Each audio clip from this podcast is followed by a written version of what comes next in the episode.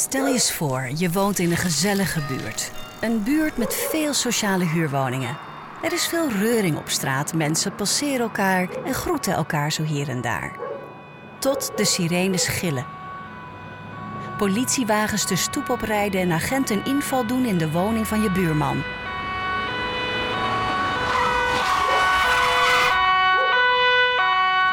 Niet veel later blijkt dat je buurman een hennepkwekerij in zijn huis had, waardoor alle woningen eromheen gevaar liepen. Naar schatting worden zo'n 40.000 woningen en 10.000 bedrijfspanden gebruikt als locatie voor criminele activiteiten. Denk aan hennepkwekerijen, drugslabs, mensenhandel of opslag van wapens en gestolen goederen. In een woning aan de Madeliefweide in Woerden maandagmiddag een hennepkwekerij ja, Hij is een van de twee mannen die verdacht worden van het runnen van een hennepplantage in Utrecht. Het zou gaan om meer dan duizend planten die verborgen stonden in vier kelderruimtes. Een anonieme tipgever zou de politie de kwekerij hebben gewezen. Regelmatig horen we de nieuwsberichten waar de politie invallen doet bij woningen. Situaties waar je eigenlijk liever niet te veel bij stil wilt staan. Veel van die criminele praktijken doen zich voor in sociale huurwoningen. Gemeentes, politie en woningcorporaties die de eigenaren zijn van sociale woningen doen er alles aan om ondermijning en misbruik van hun woningen te voorkomen. En daar hebben zij een flinke klus aan. Dit is de tweede van een driedelige podcastserie van het Centrum voor Criminaliteitspreventie en Veiligheid. In deze serie vertellen we je over criminele verpanding, waarbij dingen gebeuren in huurpanden die het daglicht niet kunnen verdragen. Hoe kan het dat dit zoveel voorkomt in Nederland? Welke maatregelen kunnen we er tegen nemen? En hoe gaan we om met de gevolgen? Welkom bij de tweede aflevering Schimmige praktijken in sociale huur. Loepna But, projectmanager wonen van woningcorporatie Rochdale in Amsterdam, vertelt dat het als woningcorporatie best een uitdaging is om de woonveiligheid in wijken te bewaken. Niemand wil een drugsteler, drugsdealer of wapenhandelaar in zijn woning of buurt. En toch zijn verhuurders en handhavers ook afhankelijk van meldingen uit de omgeving. Ik moet zeggen, de meldingsbereidheid uh, onder huurders is wel heel erg laag. En dat heeft ook wel vaak te maken met een soort type melding. Mensen zijn vaak bang dat ze het misschien niet juist hebben. Het kan zijn dat ze bang zijn, omdat ze dingen zien die niet pluis zijn, maar bang zijn dat als ze melden dat dat, uh, dat, dat effect kan hebben. Of bang zijn voor represailles bijvoorbeeld. Mensen willen ook wel vaak anoniem melden, maar weten niet dat ze anoniem kunnen melden. Terwijl dat bij ons juist wel heel erg goed kan. En wij juist afhankelijk zijn van dat soort uh, meldingen die bij ons binnenkomen. Zeker in de grote steden is het meer regel dan uitzondering dat drugsdealers op zoek zijn naar sociale huurwoningen om in te zetten voor hun criminele praktijken. Maar wanneer er meldingen binnenkomen, dan gaan bij de woningcorporatie de raderen meteen draaien. Wij kregen een aantal meldingen van verschillende bewoners van een portiek binnen. Van goh, eh, het, het ruikt een beetje raar. De gordijnen zitten heel erg dicht, maar ook in de avonduren komt er steeds iemand. En ik hoor wel de deur open en dicht gaan, maar de persoon vertrekt eigenlijk ook wel weer al heel snel. Um, en laatst zag ik ook iemand met allerlei vuilniszakken de portiek uitlopen. En overdag zien we eigenlijk helemaal niemand. Dat zijn natuurlijk signalen waarvan wij denken van hé, hey, dat klopt niet, dat hoort niet. En dan, uh, dan gaan we kijken wat we daar met die melding kunnen gaan doen. Wanneer zij zo'n melding krijgen, duiken zij altijd eerst in de achtergrond van de huurder. Wie hoort er te wonen? Zijn er eerder meldingen of signalen geweest? Of heeft het onderhoudsteam wel eens iets opgemerkt? Vaak volgt dan een spontaan bezoekje, maar, zo vertelt Loepna, tien van de tien keer staan we dan voor een dichte deur en worden partners zoals gemeente en politie ingeschakeld om mee te denken en mee te kijken. Want veel gemeenten stellen met hun partners convenanten op afspraken die alle partijen meer rechten geven om met elkaar af te stemmen.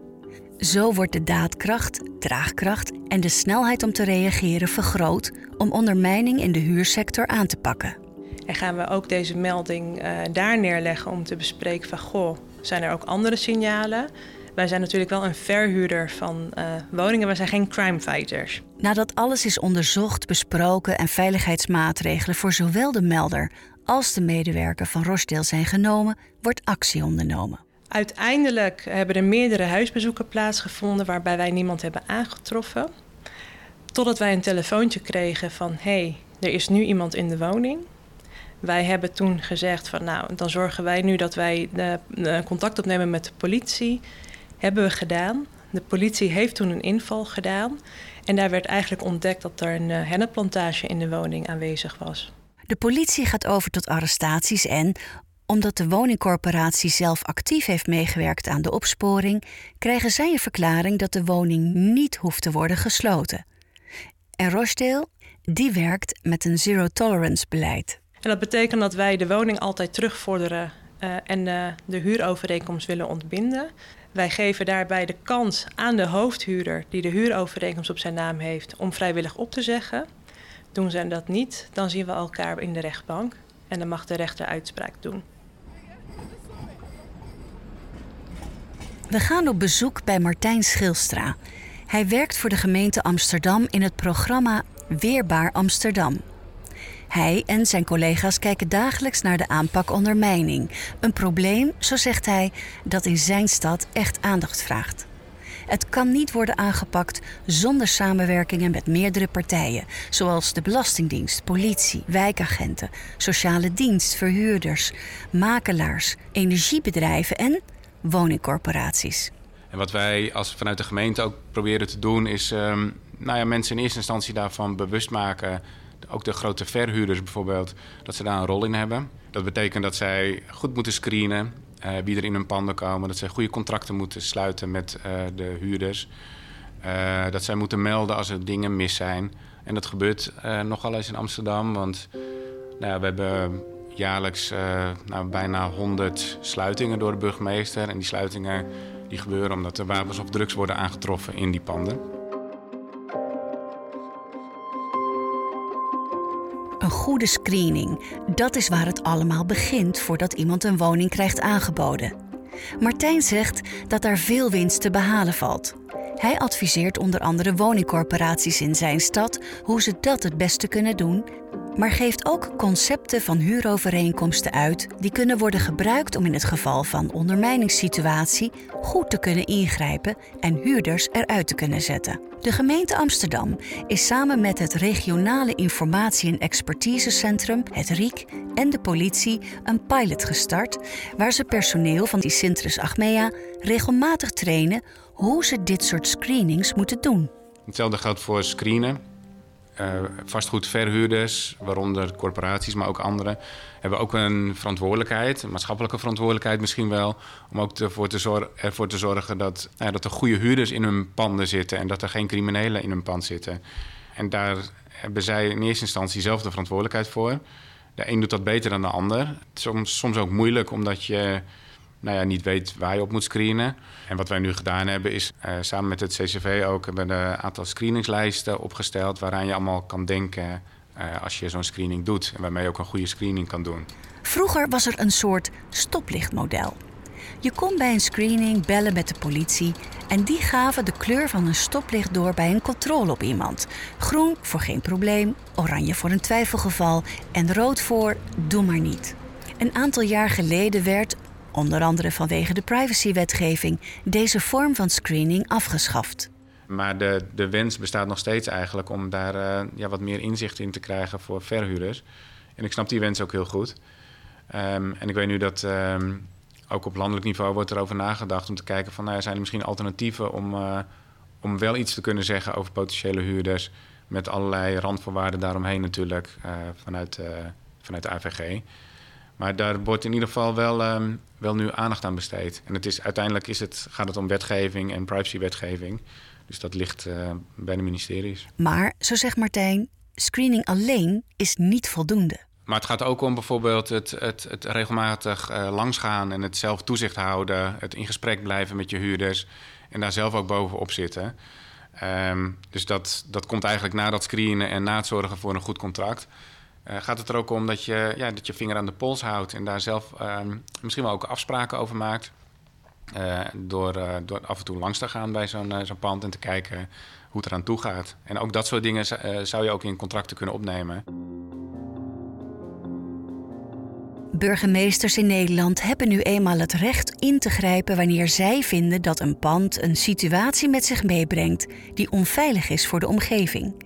Waarschuwingen zijn dan een middel, maar ook het sluiten van een pand. En Martijn legt uit waarom dat zo belangrijk is.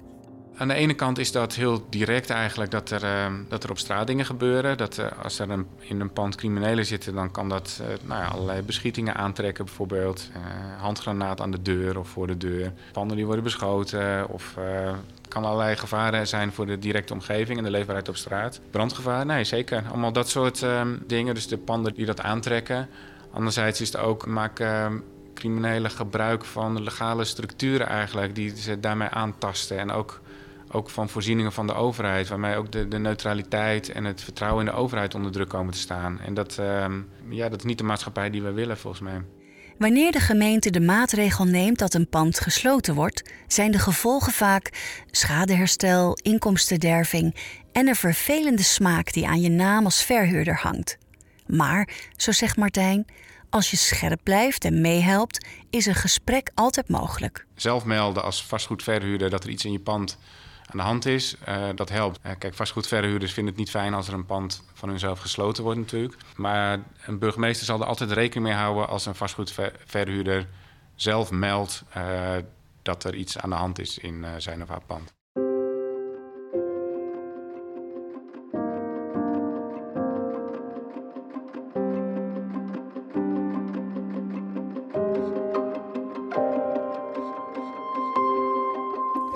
Naar het verhaal van Loepna van woningcorporatie Rochdale.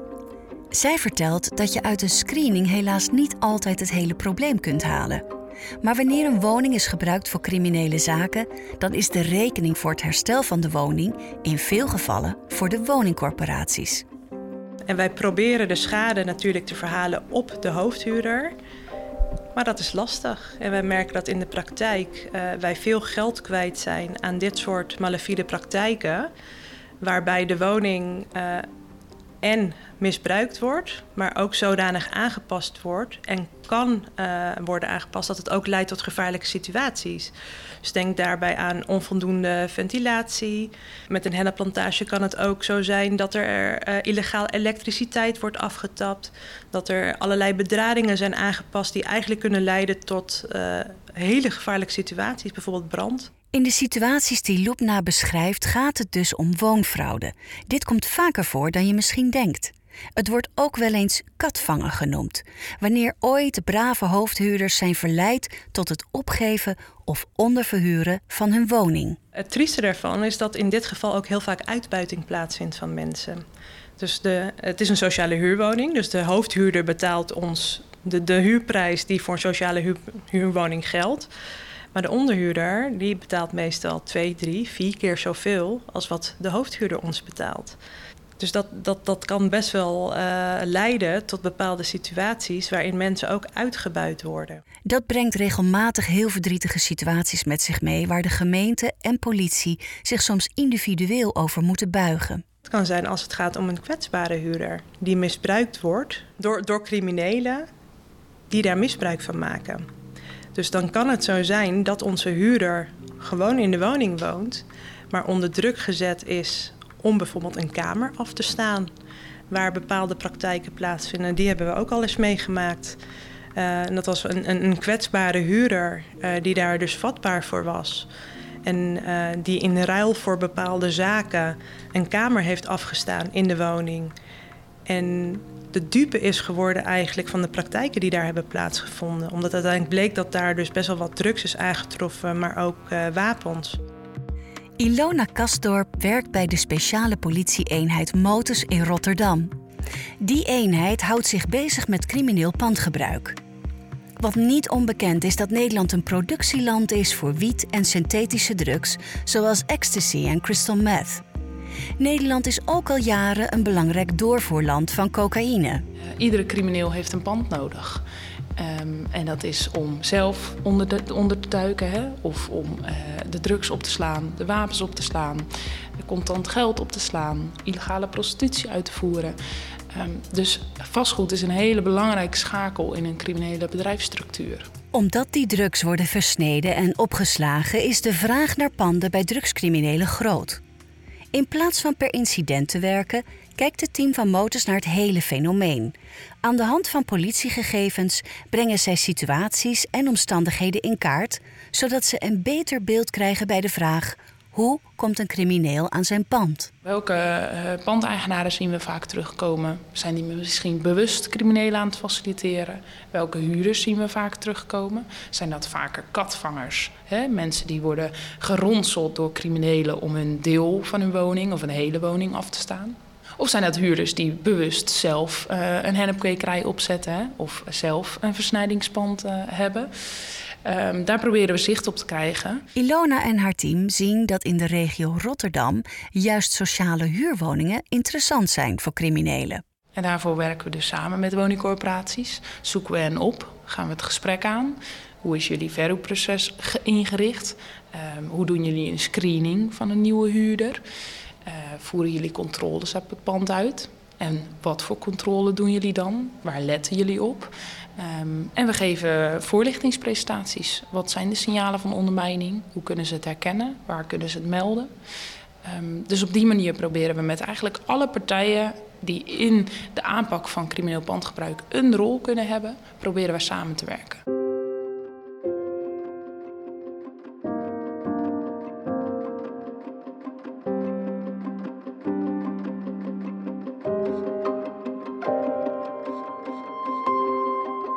Eerste aflevering van deze serie hoorde je al dat drugsdealers, wapenhandelaren, wietkwekers, drugsproducenten de voorkeur hebben voor boerderijen en afgelegen panden. Maar, zo zegt Ilona, de anonimiteit van de grote stad kan ook aantrekkelijk zijn. Ilona en haar team dachten dat sociale huurwoningen juist zouden worden gebruikt voor wietkwekerijen. En wat blijkt?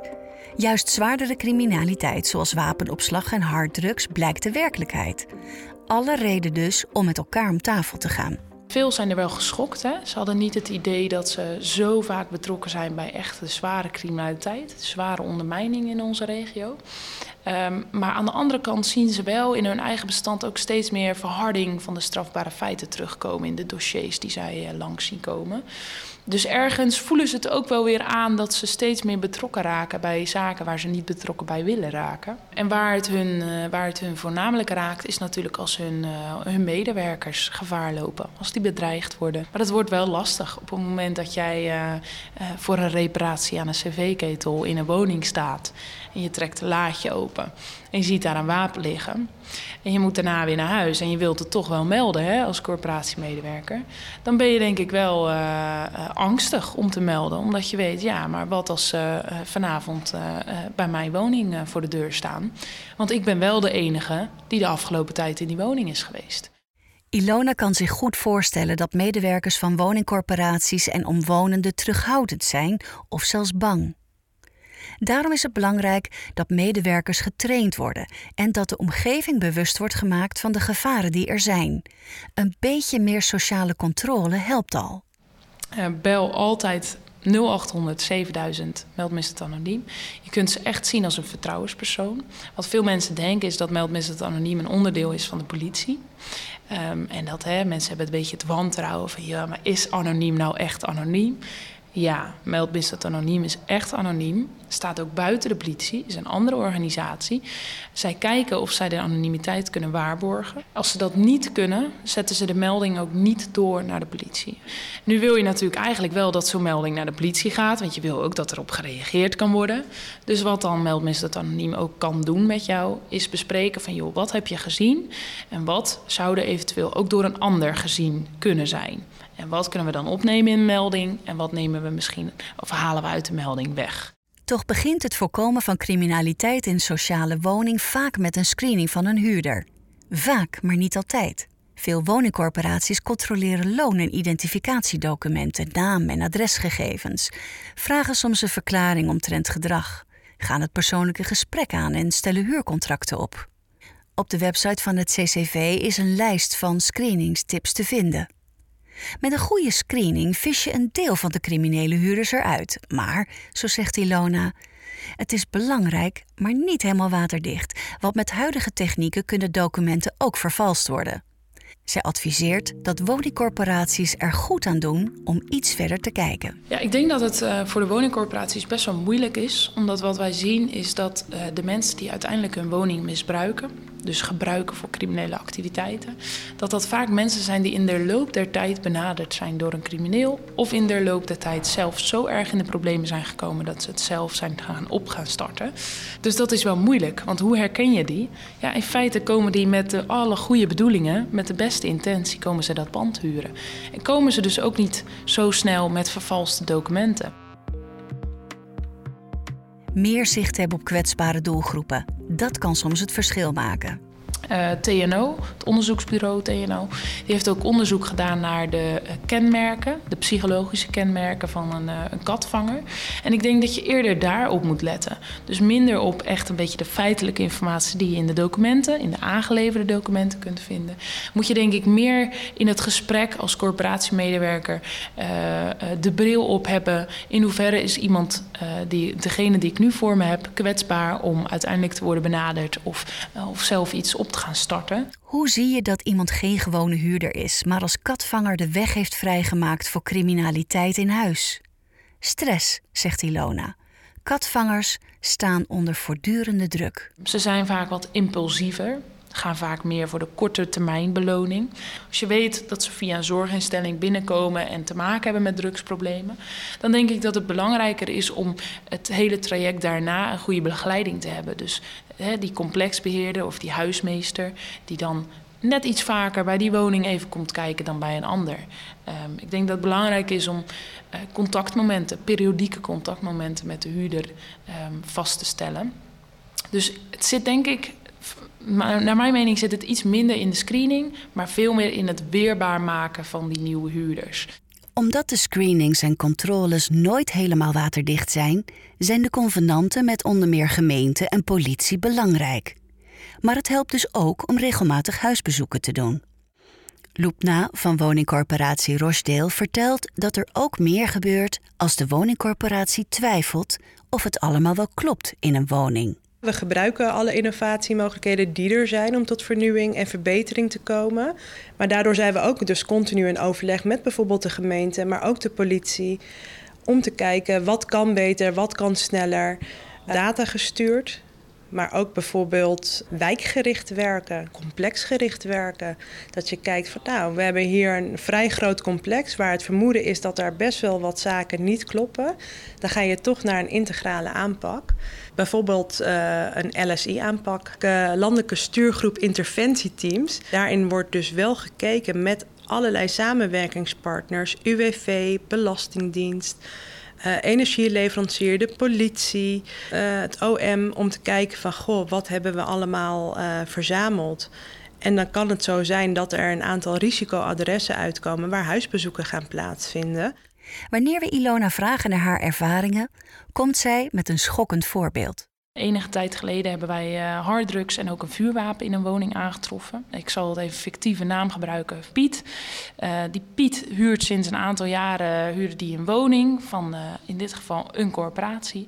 Die stond daar ook bij de gemeente op dat adres ingeschreven. Dus eigenlijk le leek alles koek en ei. Um, maar hij verbleef toch al enige tijd bij zijn moeder. Wat was nu het verhaal? Hij gaf aan uh, niet meer naar zijn eigen woning te durven. Want iemand anders zat erin en die wilde er ook niet uit. Die persoon had ook nog de sleutel vervangen. Um, en in de woning uh, troffen wij vervolgens een vuurwapen aan. Nog een versnijdingskamer met uh, meer dan 10 kilo versnijdingsmiddel. 2 kilo cannabis, cocaïne, heroïne. Hij kwam heel weinig in die woning, echt sporadisch. Uh, maar hij kreeg wel een contant geldbedrag, helemaal niet veel, van die huurder. Um, uh, en hij durfde zelf niet meer naar zijn woning. Verhalen als deze maken dat Motus een manier bedacht om medewerkers van woningcorporaties te helpen met het signaleren van criminaliteit. Ja, ik denk dat het al begint bij uh, wat is ondermijning en hoe kan ik het herkennen. Uh, het opleiden van hun medewerkers. Uh, nou, dan kan je hè, in een presentatie een lijstje geven met uh, een drugspand. Kan je aan dit herkennen en aan dit en aan dit. maar mensen die eigenlijk in de basis niet verantwoordelijk zijn voor die taak, die, die lopen misschien weg bij die presentatie en die denken: ja, leuk, maar het ene oor in, het andere oor uit. En ik zal het vast wel herkennen als ik het zie. Dus wij, wat wij hebben bedacht vanuit Motus is om een een tekening te laten maken. Dat is een tekening van een uh, stadsdecor. Daar zitten 35 signalen in verstopt van ondermijning. Ook Loepna benadrukt dat het belangrijk is dat partijen met elkaar om tafel gaan en samenwerken aan preventie en oplossingen. Daar hebben we ook de overheid bij nodig met goede wetgeving, zegt zij. Ja, nou, je, komt in levensbedreigende situaties terecht. Ik bedoel, als het misgaat en de hennenplantage of, of een drugslaboratorium ontploft en er ontstaat brand. Um, dan kan dat impact hebben op, op de hele buurt, op, de hele, op het hele complex. Maar ook de hele wijk die eigenlijk uh, onder druk gezet wordt door dit soort uh. Het kan ook gaan om, om drugsperikelen uh, bijvoorbeeld... waar bijvoorbeeld een afrekening plaatsvindt, hè? midden op straat op klaarlichte dag of voor een school. Dat is wat er natuurlijk ook kan gebeuren. Ja, en daarom des te belangrijker dat we met z'n allen ervoor gaan staan. Dit onderwerp bespreekbaar maken. En niet denken van, nou ja, wij hebben een woning verhuurd, klaar, we hoeven niks meer te doen. Maar dus ook opvolging te geven, zichtbaar te zijn en ook te laten weten aan, aan je huurders, maar ook de bewoners en de omwonenden en je partners: van wij zijn er, wij doen hier iets mee en we accepteren het niet meer.